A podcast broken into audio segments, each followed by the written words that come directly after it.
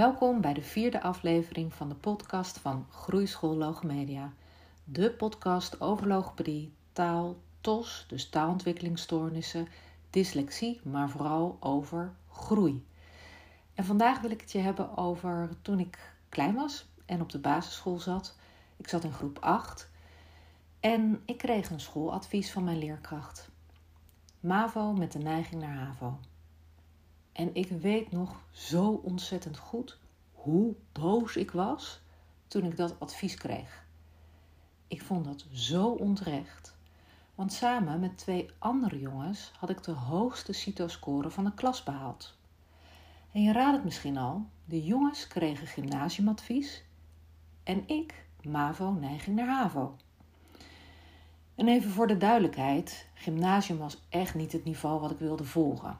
Zo jong ik nog was, voelde ik wel aan dat het advies wat mijn leerkracht had gegeven niet klopte en dat een MAVO-HAVO of een HAVO-VWO-advies meer passend voor me was.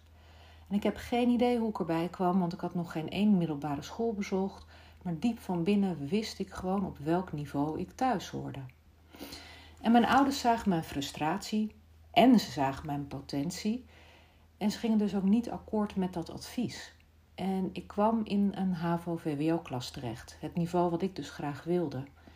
En bij het eerste rapport op de middelbare school ben ik dus teruggegaan naar de leerkracht om te laten zien hoe goed ik het wel niet deed. Ja, iets met bewijs, bewijsdrang, maar vooral met dat stukje onrecht. Daar kon ik niet tegen en daar kan ik eigenlijk nog steeds niet tegen. En de reden dat ik dit vertel is dat we goed moeten nadenken met de labels die we opleggen op kinderen en de oordelen die we vellen over onze kinderen. Net als volwassenen hebben kinderen ook drie manieren om ergens op te reageren. We kunnen bevriezen, we kunnen vluchten, we kunnen vechten. En in eerste instantie was ik toen als klein meisje even wankel. Een fractie van een seconde.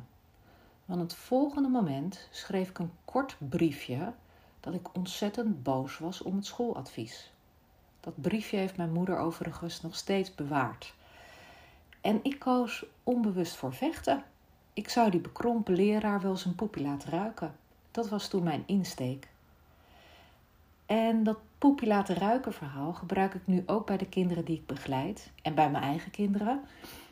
En soms heb ik tijdens mijn werk een kind voor mijn neus die zo intens verdrietig is omdat hij of zij niet gezien wordt, niet op waarde geschat wordt. Want ja, hij heeft dyslexie, dus ja, ze heeft TOS, dus. En er wordt zoveel door ons als volwassenen ingevuld en daarmee dus ook bepaald. En denk je maar eens in wanneer de strategie van een kind bevriezen en vluchten is, en dat daarmee dus dan ook de laag verwachting ook waar bewaarheid wordt. Denk maar eens in wat dat doet met het zelfbeeld van het kind. Zie je wel, ik ben. Vul maar in wat je in kan vullen. Je hebt er zelf wel een idee over wat je in kunt vullen. En tijdens mijn begeleiding werk ik hier vaak aan? Welke overtuigingen heeft het kind en welke overtuigingen heeft de omgeving? Een kind kan overtuiging hebben over zichzelf. Ik kan niet lezen. Ik ben dom. Ik snap de juf nooit. Ik ben er niet waard om naar te luisteren. ik ben toch te sloom, dus laat maar. En overtuigingen van de omgeving kunnen zijn. Ja, hij is dyslectisch, dus hij heeft moeite met lezen en zal wel nooit een boek kunnen lezen op AV8-niveau. Ja, ze is verlegen en zegt toch nooit iets, dus laat haar maar. Hij is altijd boos en maakt veel ruzie, enzovoort, enzovoort, enzovoort. En mijn aanpak? We gaan zijn poepie laten ruiken. We gaan stapje voor stapje aan de slag, zodat. En moet je dan eens zien hoe eigenlijk het verandert en ze aan de slag gaan en ze zich ontwikkelen. Want er spreekt vertrouwen uit en geloof. Het geeft kracht, een doel om te verwezenlijken. De power om te zeggen: we gaan ze een poepje laten ruiken. We stoppen met vluchten, we gaan vechten, we gaan knokken, we gaan groeien, we gaan bloeien. En ik?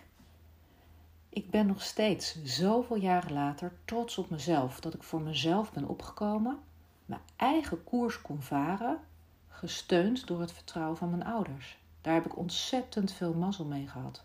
Als mijn ouders toen niet achter mij waren gaan staan en het niet, voor, uh, ja, niet doorgezet hadden dat ik naar een ander niveau zou doorstromen, ja, dan had het er misschien wel heel anders uit kunnen zien.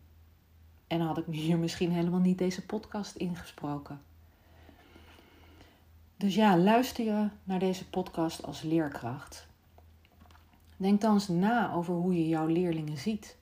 In welk hokje heb je ze gestopt? En hoe kan je ervoor zorgen dat je de potentie ziet? Want ieder kind heeft een potentie. En ieder kind heeft sterke kanten. En die sterke kanten die mogen ook belicht worden.